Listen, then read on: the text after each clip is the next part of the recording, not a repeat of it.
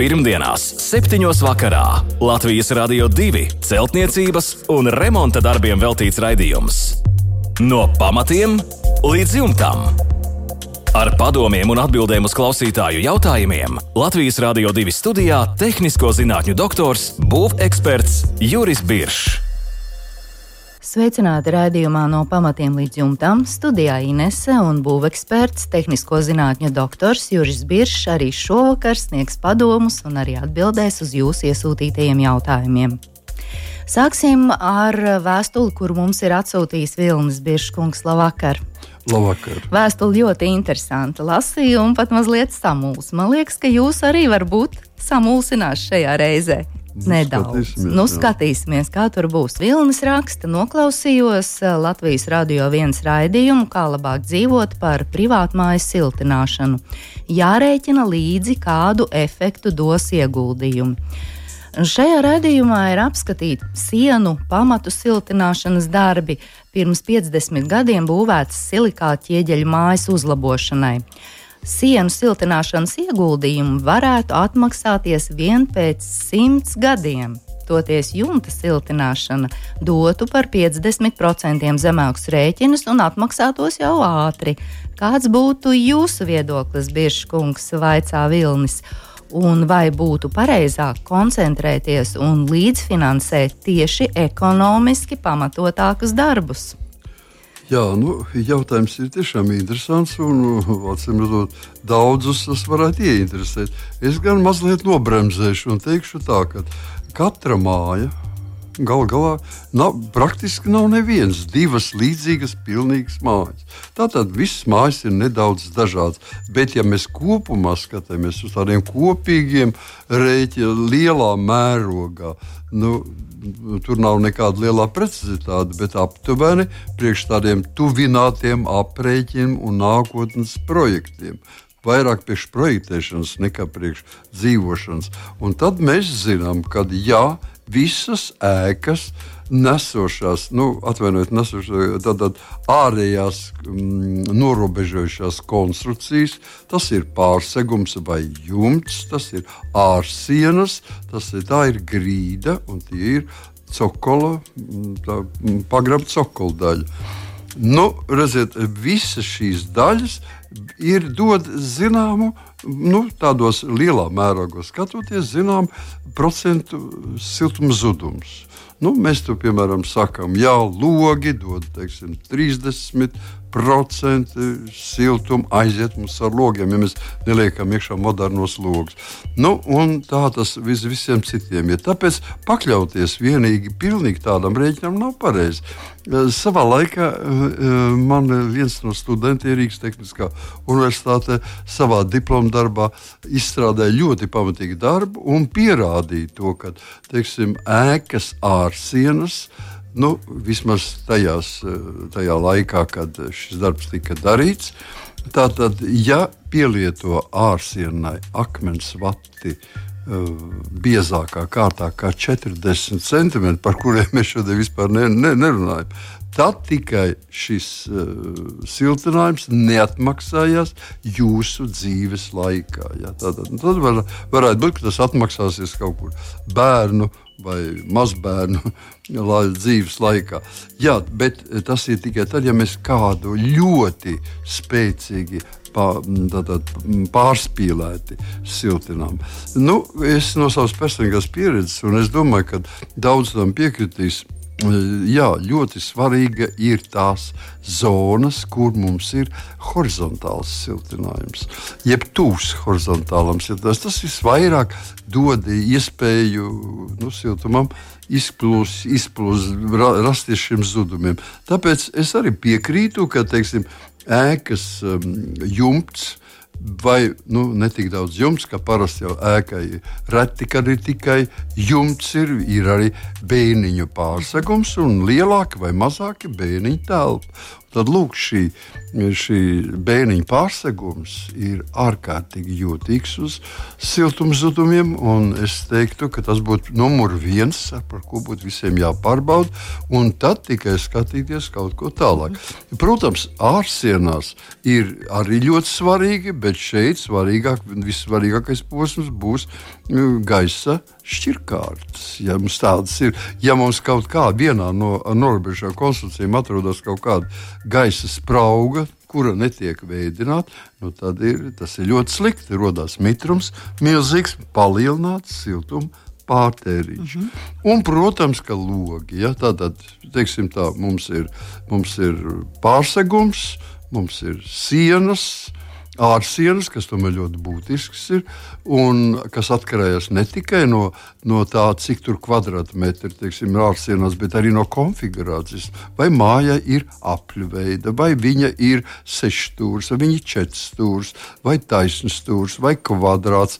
No tā atkarīgs arī ļoti daudz. Nu, jā, daudz faktoru, kur ir jāņem jā. vērā. Tā vienkārši pateikt nevar sienas vai. Tā vai nu nevar. Tāpēc jā. tas būtu brīnišķīgi, ja mēs reiz jau iepriekš zinātu, ka tas nozīmē, ka mēs ietu atpakaļ uz standartizāciju, visiem standartiem. Mājas, tad mēs to varētu pateikt uz preci, precīzi. Mhm. Bet šodien ir tendence taisnot otrādi individuālās mājas iegūst ar vien individuālāks vaipstus, un arhitekti labi piestrādā pie šī jautājuma. Tāpēc katra māja ir jārēķina, mhm. jāsako līdzi, bet teiksim, šiem uh, pīrāgiem, no kā sastāv siena, pārsegums vai grīdas konstrukcija.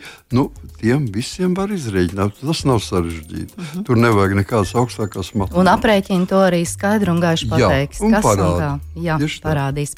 Paldies par atbildi Vilnim garāža, kura ir atsevišķa ēka, tajā ierīkota apkuras telpa, mums raksta ārtis. Griestu pārsega un gribu nosiltināt no iekšpuses. Doma ir starp stijām likt putu polisterola plāksnes un tad pie sijām pieskrūvēt OSB plāksni.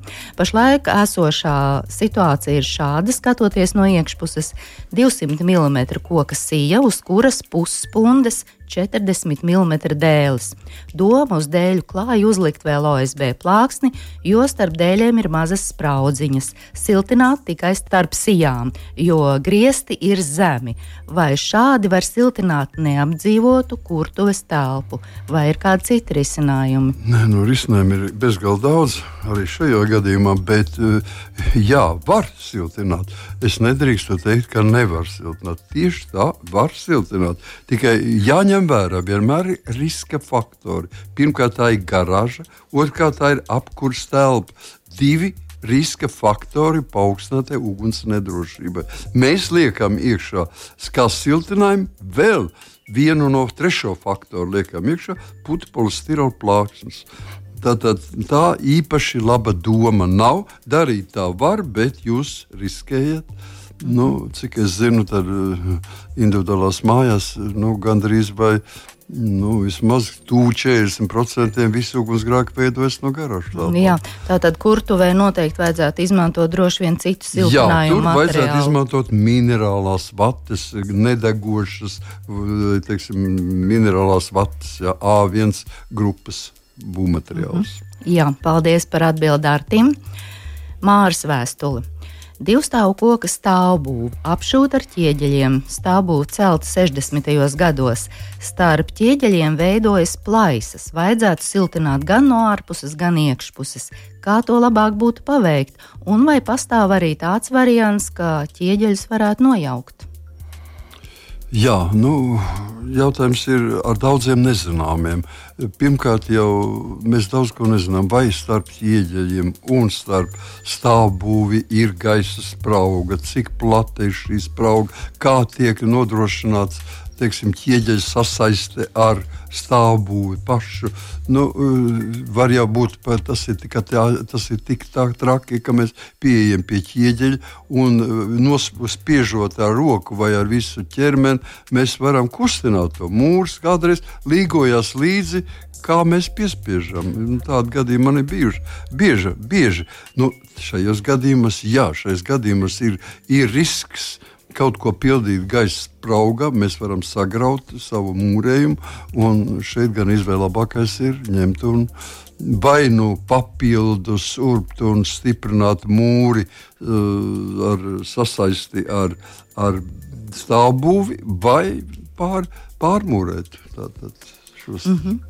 Tātad tas tā, šeit ir diezgan, diezgan tā sakot, jākal, jāskatās, ir mazliet vairāk informācijas, informācijas ir nepieciešams, lai dotu skaidrāku atbildi. Jā, paldies par atbildi Mārai. Bēniņu stāvu izbūve koka mājā raksta Kārlis. Dušas telpā veidoja ar ūdeni apsildām grīdu. 6 km2 būs šī telpa. Pamats ir 22 mm saplāksnis, virsū 25 mm putu plasta paneļi ar kanāliem, siltumvadošām alumīnija lamelēm un iekšā siltā ūdens grīdas caurulītes. Virsū divas kārtas grīdas ģipškartons un tad attiecīgi apstrāde un arī flīzes. Un Kārlim ir vairāki jautājumi. Pirmais ir šāds: varbūt labāk virs caurulēm betonēt kādus 5 centimetrus. Es domāju, ka atbildēsim varbūt uzreiz, tā, es kaut ko izlaidīšu. Iesim pēc kārtas. Pēc jā. Eh, konteksta var saprast, ka runa iet par dušas telpu otrā stāva jā. līmenī. Ja? Tā, tā ir. Eh, nu, tā būtu pareizāk, ja tas būtu tā uzrādīts, bet nu, par cik pamatā ir pamats ir 22 mm saplāksnes, tad lūk, ir šis. Pēc tam virsū ir vesela rinda materiāli, tika nuskaitīti. Ja, tur mm, īpašās putuplasta paliktnes, tad mm, siltumvadoša alumīnija, jā, un iekšā siltās grīdas caurules pildīts. Nu, ļoti dārgiem materiāliem tiek veidot nākošās kārtas virsapplākšana.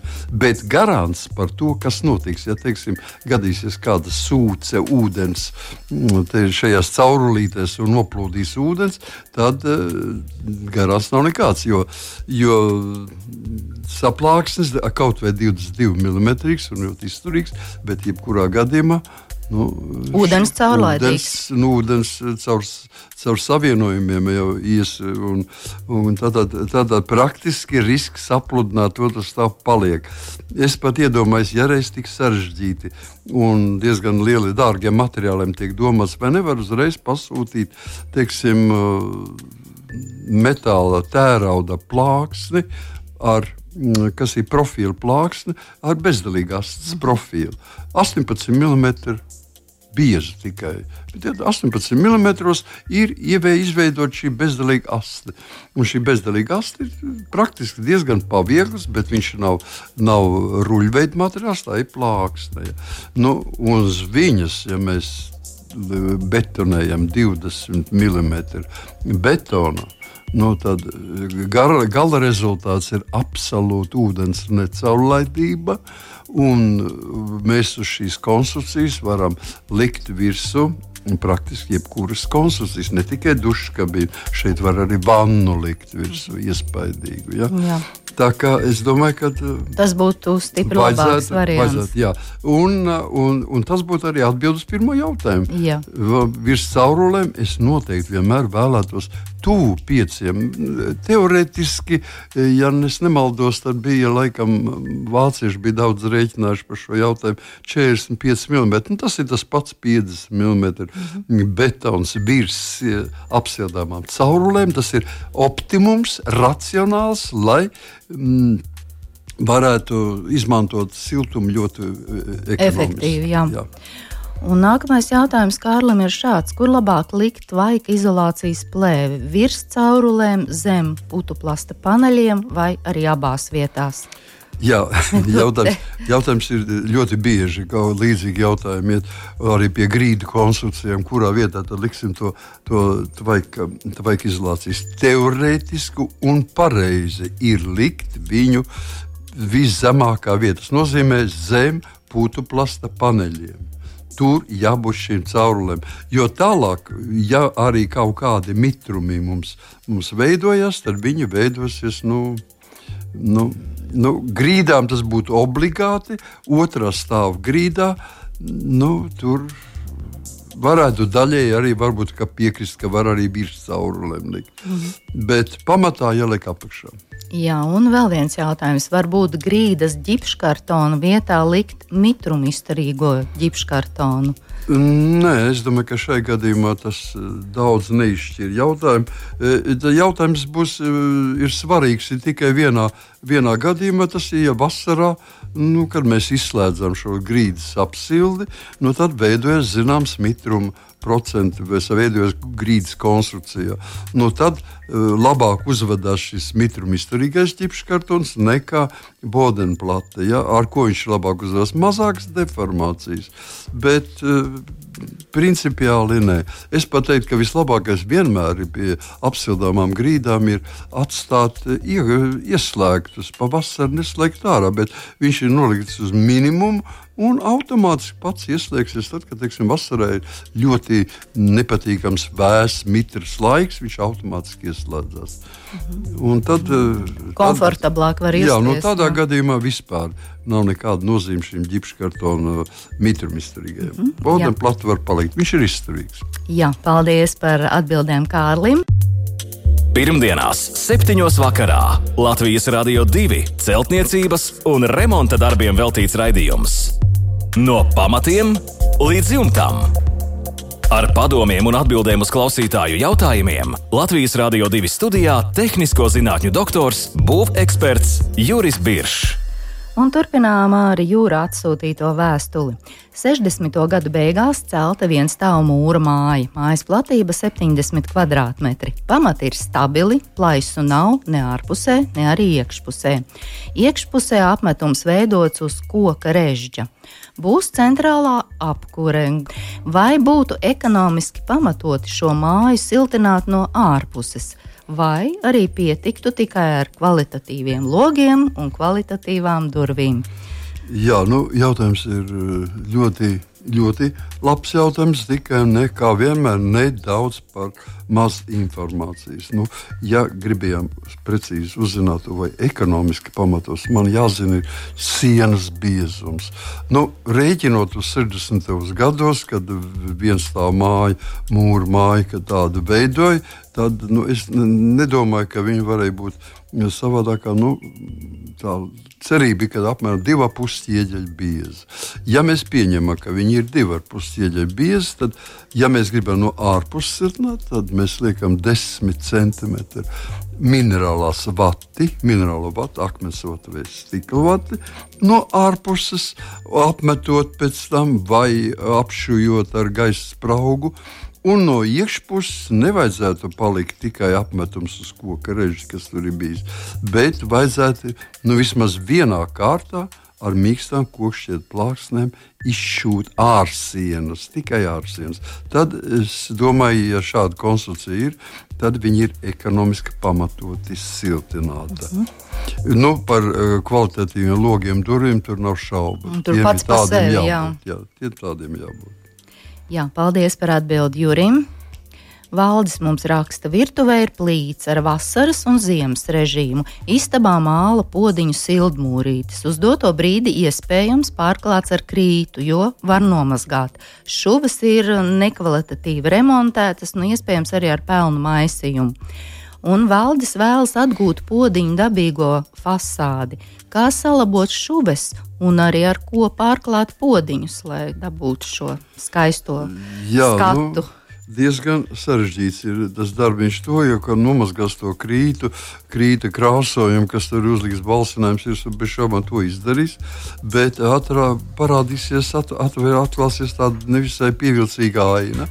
Nu, ja nav kārtīgs mūrējums, tad ja, pirmkārt šūnas dažādas, ir dažāda platuma, un uh, es, mēs ne, nezinām, kāda ir šī podziņu virsma. Viņa var būt skā, apskādēta, viņa var būt atlupusi, viņa varētu būt nu, diezgan, diezgan slikti teikt. Ja tā būtu, uh, un tur zem tās krīt krāsas parādītos fajāns, nu, teiksim, glazēts virsmas, protams, ka tā tas nav. Tā, tāpēc, ko var ieteikt darīt? Var ieteikt krāsot šīs virsmas, iesteikt, pirms, pirms tam viņas vajadzētu remontēt, nu, tātad izlīdzināt, ja kaut kur ir atsitumi vai plaisas, tad viņas vajadzētu likvidēt, un pēc tam viņas var krāsot. Ir uh, vairāki veidi, Nu, tur gan jā, jā, jāgriežas pie speciālistiem. Šodien precīzi mēs nenosauksim krāsu mm, sastāvus, bet ir dabūjama gatavā veidā tā saucamā augstā glazēšana. Ja, tā tad var, var panākt nu, nu, krāsojumu, kas varētu dot nu, teiksim, apmierinošu iespēju. Vismaz. Nu, acīm redzot, tie māla podiņi ir māla krāsā, Mā, tāda brūna. Nu, viņi ir brūni, bet nelaime ir tāda, ka viņi šī virsma, kad viņi gluda un dabīgi iegūti ap apdedzināšanas, tas ir viens tons, tik līdz viņi tiek, tiek atšķeļi kādu atšķēlumu, tā parādās pilnīgi cits, cits tons, tonis, kuru nav iespējams teiksim, nomaskēt. Nu, tātad, ja tā šis remonts ir, remonts parādīs to, ka parādīsies pilnīgi savādāki plankumi kaut kādi. Ja? Un, lai to visu nosektu, nu, tad var vienkārši gruntēt var šo virsmu un pēc tam viņu krāsot. Mm -hmm. Gruntēšanā es ieteiktu sintētiskā lateksa emulsiju vienu daļu un cementa, porcelāna cementa, divas daļas. Un plānā kārtiņā, viena milimetra kārtiņā, varētu nokrāt visas šīs, šo, šīs um, no, nu, podiņa virsmu, un pēc tam jau var krāsot. Būs ļoti interesanta kombinācija. Mm -hmm. Jā, paldies par atbildi. Vēlos būvēt māju no 250 mm keratēram blokiem. Mums raksta Juris tiks apmorēti ar ķieģeli. Un jautājums ir tāds, kā pareizāk veidot starpā siltinājumu, piestiprinot akmens vati pie keratēra blokiem un atstājot 40 mm spraugu starp ķieģeli. Vai starpu starp keratēru un ķieģeli piepildīt ar kādu no beramajām vatēm, nu, piemēram, rekovati vai arī grafīta bumbiņām.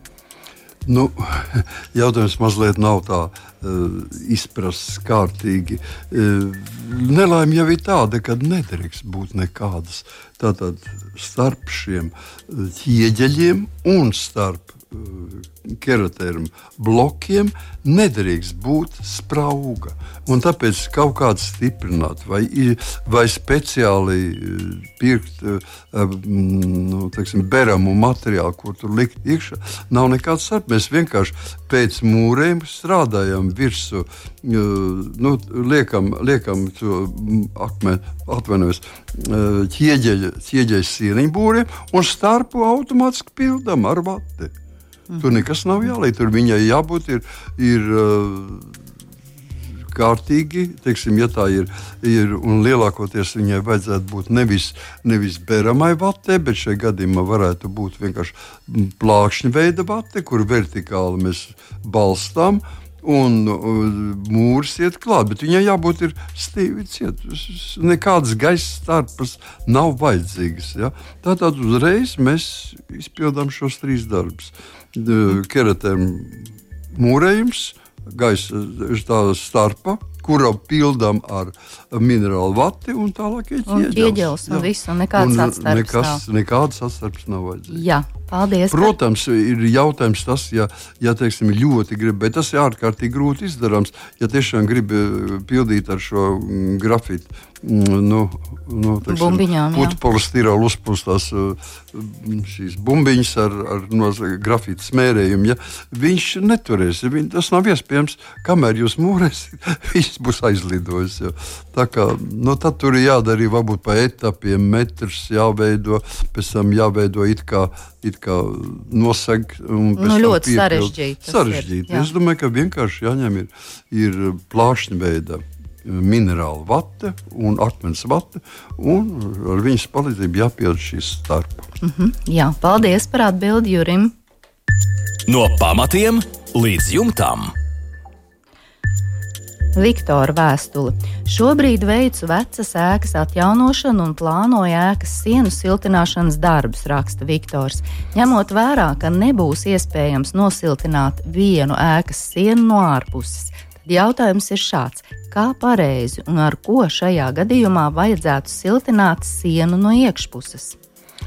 Nu, redziet, šeit ir spēkā ir tā saucamie siltināšanas likumi, vai, vai mēs sakām, būvfizikas likumi, kas attiecas uz siltinājumiem. Nu, šeit ir pilnīgi vienalga, ar kādu materiālu jūs siltināt. Vai nu no ārpuses, vai no iekšpuses. Ja? Šai gadījumā mums jāpāriet no ārpuses uz iekšpusi. Un vienīgais jāveic šis siltinājums ir pareizs. Un pareizs siltinājums šajā gadījumā ir tas, kad mums uh, siltajā pusē, tādā telpas pusē, mums siltinājumam jāliek ir tvaika izolācija.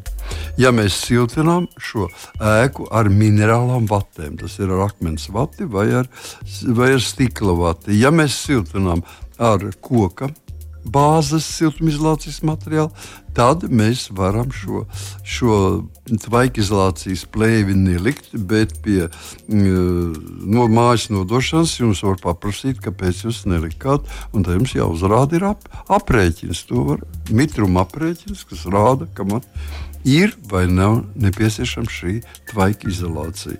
Bet uh, principiāli ir pilnīgi vienalga, ar kādiem materiāliem mēs siltinām no iekšpuses vai ārpuses. Kopējais sienas siltuma pretestība būs vienāda. -hmm. Jā, paldies par atbildi Viktoram. Un vēl viens jautājums. To mums ir atsūtījis Juris. Vai pirts būvēji var izmantot vecos elektrības stabus? Un mēs jau te pirms raidījuma pārunājām par veciem Jā. elektrības stabiem. Vecie elektrības stabi var būt ļoti, no ļoti dažādiem materiāliem. Pirmkārt, jau, protams, tradicionāli no koka, un es tā ceru, ka Juris ir domājis un tēmējis uz koku. Tad viņi var būt no betona, un tāpat arī metāli var būt. Nu, tie nu, galīgi maz ticams, ka no tādiem izveidot pirti. Bet, jā, var veidot arī no šiem, no šiem elektrības stabiem. Viņi gan savā laikā ir bijuši impregnēti, noteikti impregnēti. Mēs vairāk nevaram izpildīt. Viņi ir savu atstrādājuši, savus uh, vairākus desmitus gadus ir strādājuši. Tāpēc vienkārši viņiem ir jāatjauno. Jāatjauno šis uh, piesātinājums ar, ar um, antibiotiskām, ar nu, antiseptiskām vielām. vielām jā, jāpiesātina pa jaunu, un tad viņas pielietot var. Protams, ka šeit ir jautājums, kādas mēs veidojam savienojuma vietas. Ja?